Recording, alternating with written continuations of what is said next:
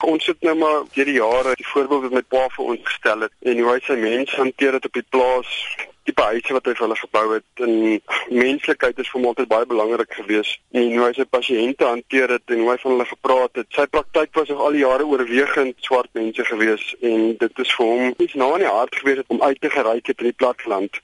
En dit is vir ons ook baie belangrik en ons het net gevoel dat jy weet hierdie was miskien 'n geïsoleerde insident geweest dan is dit haat weet wat miskien betrokke was met die ouens teenoor my pa is die oorwegende gevoel wat ons gekry het van ander mense af is dat almal nou eweslik sleg is. En dit is nie so nie weet my pa het so baie goeie verhoudings gehad. Jy weet hulle het net so seer soos wat ons het en dit is ons belangrik dat hulle ook gerespekteer word want dit is wat my pa se wou gehad het. Die hele gemeenskap is omgekrap hier oor en ons verstaan dat en ons voel presies dieselfde. Jy weet ons wil nie hê so iets moet ooit met enigiemand weer gebeur nie. 'n Misdaad soos die teen jou ouers word onder die gelade term plaasaanvalle eh, gesorteer. Wat is julle gevoel oor die verskynsel van plaasaanvalle in Suid-Afrika?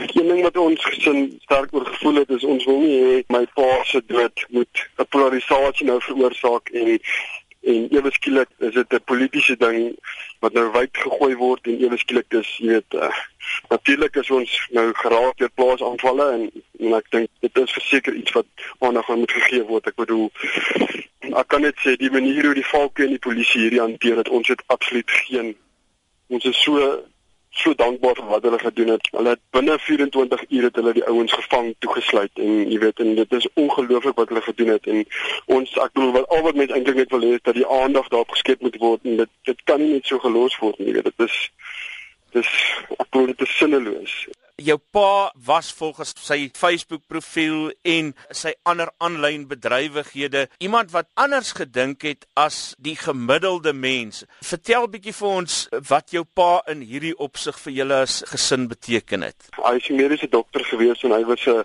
sterk wetenskaplike gewees. Sy sy pa het vir hom vir homself 'n mikroskoop gekoop en dis waar my pa se wetenskaplike agtergrond begin het. Dis kom hy 'n dokter geword het.